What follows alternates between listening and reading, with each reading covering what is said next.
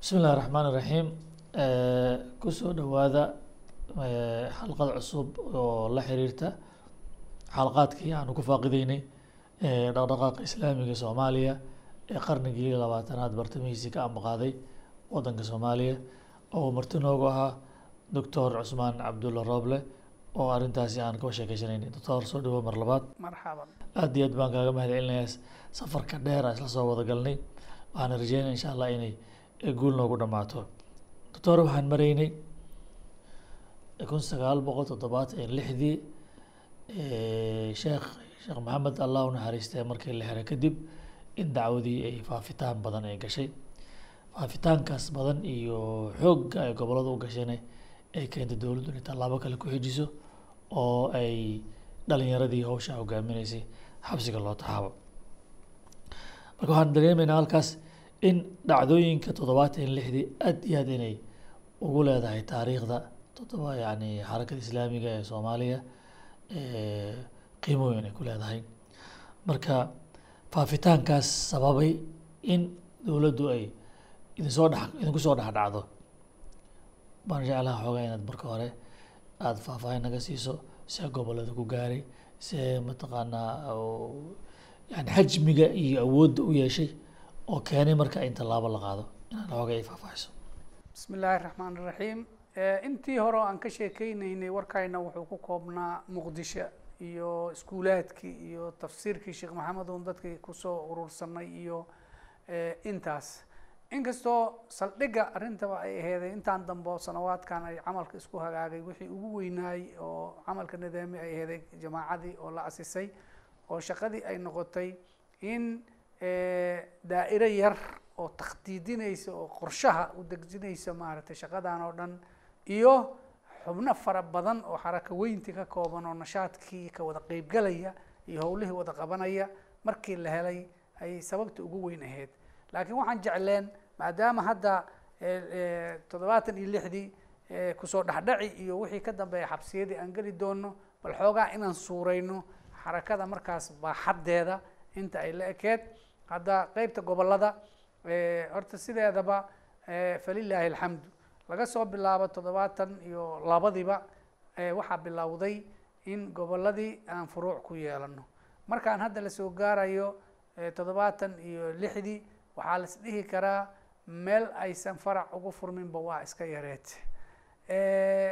Asbaabaha inay ku faafta dacwada gobollada maaragtay nagu kaalmeeyey waxaan dhihi karaa saddex sababood ayaa ugu weyneeday tan koowaad waxay aheeday qaar ka mid ah dhalinyaradii oo markii dugsiyada sare dhameeyeen shaqaalo noqday oo gobollada loo bedelay oo qof waliba gobolkiisii markii loo bedelayne dacwadii uu meesha ka bilaabay qeybta labaad oo faa'iidada noo keentay waxaa ka waxaa oo gobollada inay wax nooga fidaan keentay waxaa ka mid ahaa nidaamkii la dhihi jiray shaqada qaranka oo aheeday dugsiga sare markii ardada dhameeyeen oo xalana tababarka military la soo qaato hal sano oo iskuulaadka ay wax ka dhigayaan. Dhalinyarada dugsiga sare ka soo baxday loo qeybi jiray gobollada marka dhalinyaradeenii qaar badan oo ka mid ah ayaa waxaa dhacday inay macalimiin ka noqdaan gobollo ayna weligood arkin oo loo dira.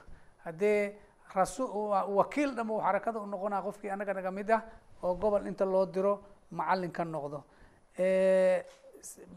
Sababka saddexaad oo aan dhihi karna waxa weeye ardada laftikeeda waxaa jirtay waagaas magaalooyinka waaweyn badanaa waxaa jiri jirtay kuleejooyin wax la yidhaahdo oo ah meel dugsiga sare ardadiisa ay hab dowladda u samaysay oo hooy oo jiefkeedii iyo cunadeedii iyo macal iskuolkeeda iska leh boardinga loo yaqaano. ayaa jiray. Annagii marka jamaacada barakadeeda waxaa ka mid ahaa markii runtii ay shaqadii ballaaratay magaaladii aan aragno inaysan dad noo jirin boardingina leh inaan dad u bedelno oo ardadii dugsiga sare dad ka mid aan u bedelno si markaas ardada laftikeeda looga dhex helo dad wax ka dhex guto. Saddexdaas sababood ayaa horta ugu muhiimsanaa inay dacwadii noogu fidido goboladii waxaan mithaal u soo qaadan karaa gobolkii aan is leeyahay ama magaaladii ugu horeysay oo ay si fiican ugu fiddo iyadooba uu bilowgiiba la joogo toddobaatan iyo labadii la joogo waxay ahayd magaalada beledweyne.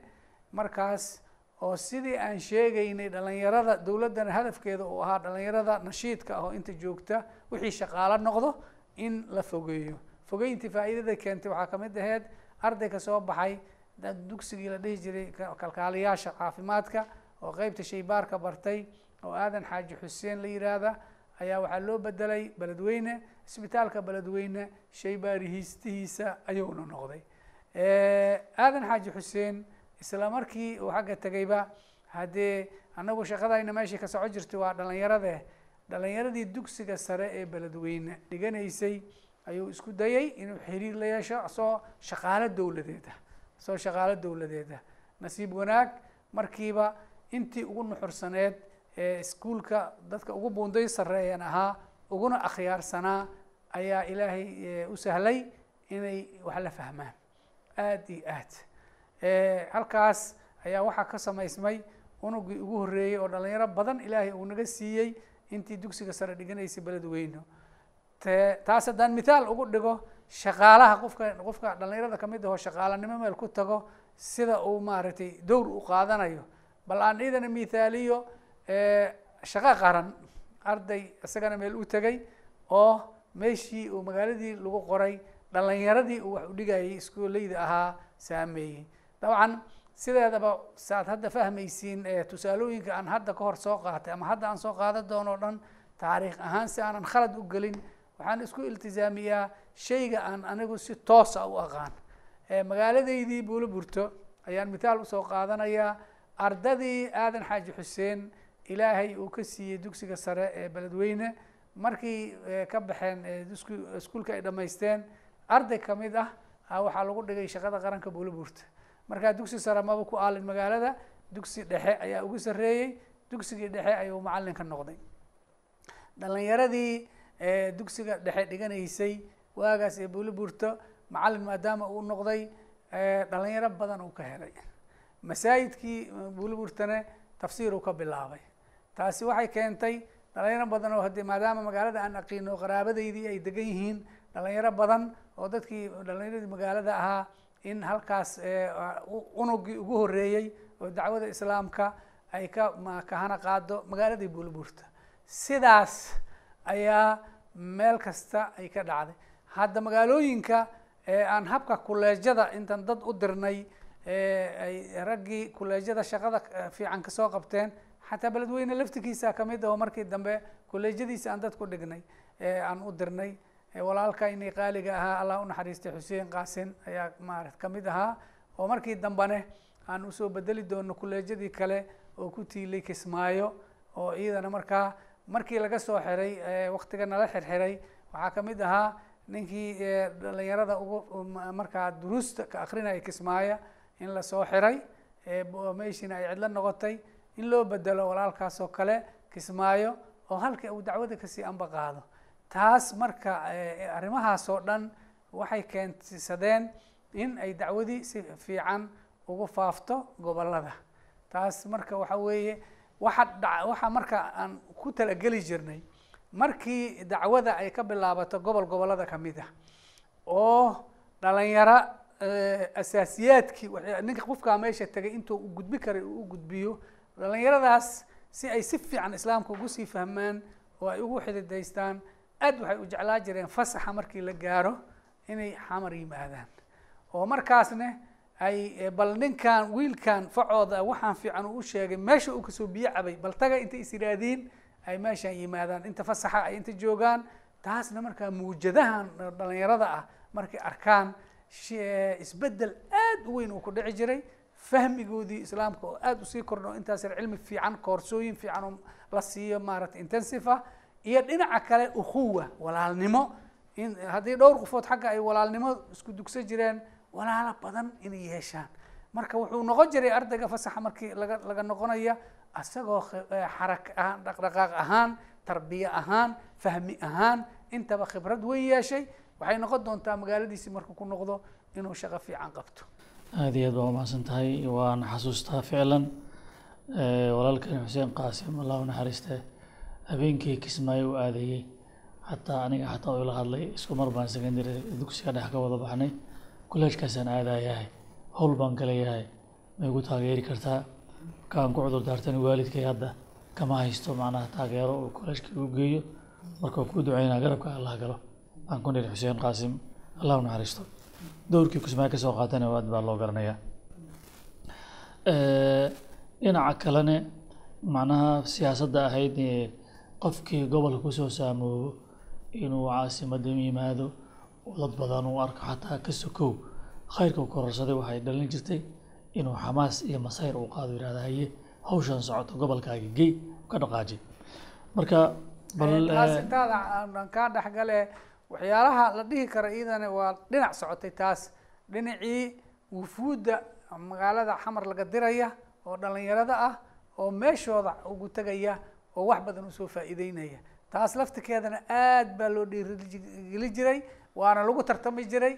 Qofka inuu isku dayo inuu tago walaalihiisa cusub oo magaaladaas lagu sheegay inuu u tago muddo la soo joogo iyada lafteeda door weyn bay qaadatay waa gartay eh, hargeysa iyo waxdadii kalkaa ka jirtay say ku dhalatay iyo maxaa maxaa nooga sheegi kartaa? Eh, hargeysa waa ka duwan tahay eh, xoogaha inta kale.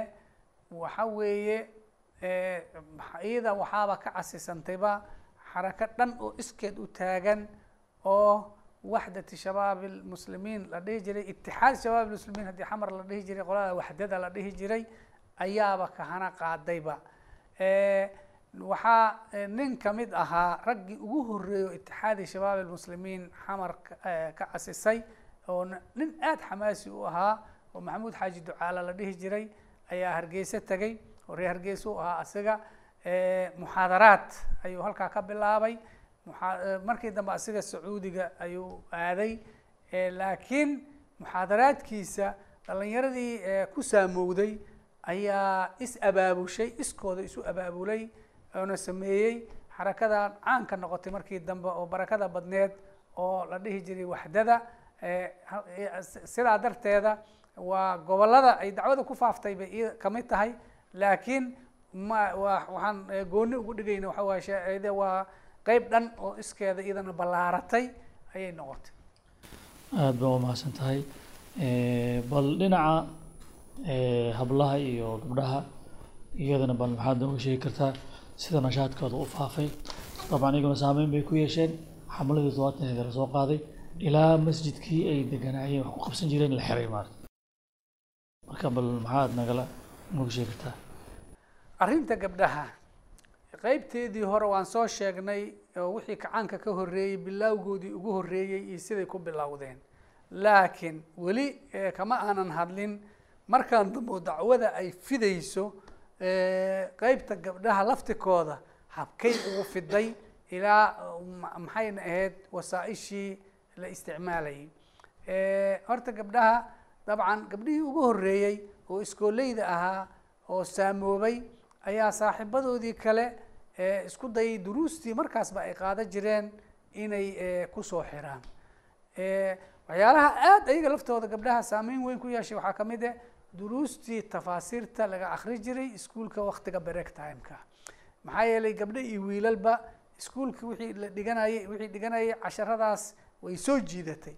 Gabdho badan baa ku saamoobay markii dambe oo gabdhihii ay xoogaa soo bateen waxaa asismay oo waxay ugu weynaay oo saldhigooda ahaa annagoo haddii eh, qeybtayna dhalinyarada uu ahaa masaajidkii maqaamka la dhahayay oo sheekh maxamed tafsiirka uuna akrinayay khayr allaha siiya sheekh maxamed iyo raggii kale oo nahdada odayaasheeda ahaa oo wasaaradda arrimaha diinta ka shaqaynayay ayaa eh, ka dhaadhiciyey kacaankii in masaajid haweenka loo furo iyadoo horumarka haweenka laftikooda xuquuqdooda ay leeyihiin maaragtay hala siiyo ugu soo gabaday oo weliba in ay soo go'aanka in masaajid waa kii ugu horreeyo masaajid haween la dhiso in dowladda laga qanciyo dhib weyn baa laga soo maray.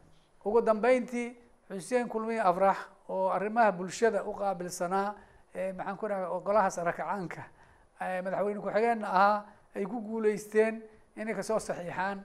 Saa darteeda ayaa waxaa la dhisay masaajidka loo yaqaano masaajidkii shabeelle oo saldhiga ugu weyn oo ay gabdhaha ku dhismeen ka mid ahaa sheekh maxamedne maxaan ku iraha uu darsigaba la ka akri jiray iyo sheekhyaal kale ay ay u akri jireen duruus badan ay ugu akri jireen. Gabdhihiina waxaa u samaysmay markas kulligood wixii gabdho iskuulaadka laga keeno o dhan laiskugu keena oo halkaa lagu dhiso dabcan shuyuukh waaweyn baa u imaa jirto duruusta waaweyn u akri jirtay.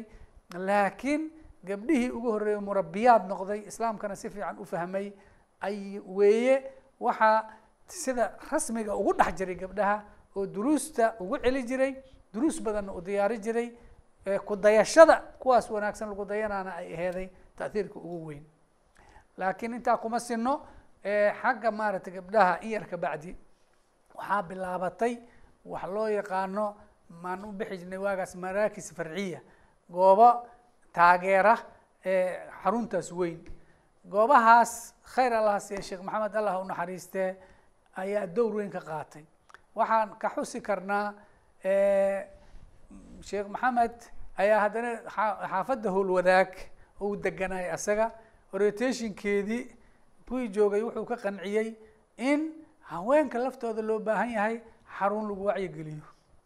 Markaas ayaa masaajidka biyamaalo agtiisa dhul ahoo banaano meesha hadda stationka uu ku yaalo howlwadaag ayaa oo dhul banaan aheyd ayaa iskaa wax u qabso oo ay abaabulayaan haweenkii kacaanka ahaa iyo dowladdii oo dhan. Waxaa lagu dhisay saddex qol oo buluketi ah oo la yidhi haweenka ayaa lagu wacyigelinaya. Markii waxaan hadda xasuus meesha xaafaddan wax ka deganay anigu lafteyda in maalintii la furaayey oo sheekh maxamed intuu yimidi meesha khudbo ka akriya isagoo wasaaradda ka socdo oo xataa sawirkiisii hadalku meesha ka jeediyey journaalkii xidigta octoobar la dhihi jiray uu ku soo baxay oo aan hay jiray oo hadda iga dhumay oo cajiib laheyd haweenkii durbaanka tumayey oo shuuciyadda habeenkii xagga looga akrinayay ayagoo maaragtay maxaan ku ihahda xaruntii wax ka furaya. Ayaga durbaankooda iska aadeen laakiin xarakadaa ka faa'iideysatay gabdhihii maxaan ku irahdaa areadaas deganaay oo dhan xaafadahaas oo dhan ayaa duruus diini a lagu sii jiray. Dhalinyarada ayaana duruustaas bixi jiray. Meeshii markaskii ugu weyn ay noqotay haddana in yar ka bacdi maxamuud xarbi iskuolkii la dhihi jiray xamar jadiid ku yiilay ayaa sidoo kale isagana iskaa wax qabsa dhowr qol looga dhisay. Meeshaas markii noo furantay waxaa markaskii saddexaad waxaan ka xusi karaa si masaajidkii siigaale la dhahay unli ninkii ganacsada ay dhisay. Qolal isagana ma laga dhiso gabdhaha wax lagu baro.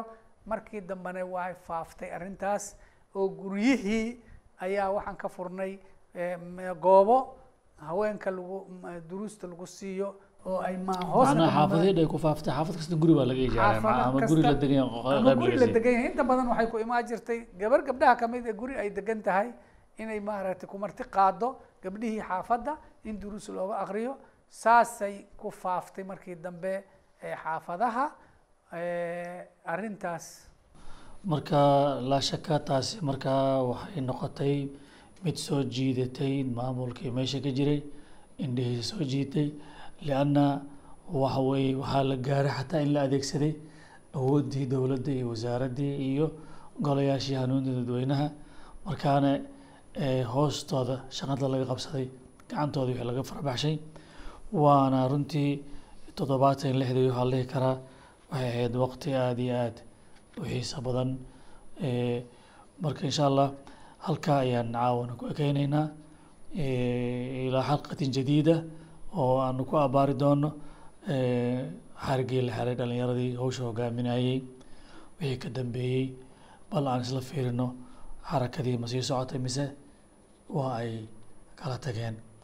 Marka idin kala tegin oo sii socoto ognahay maxaa asbaaba oo taageera inay sii socoto? Iyo jawigeeda soo u noqday. Fakunuu macana xalaqada soo socda dilaa idmo wasalaamu calaykum waraxmat ullahi wabarakaatu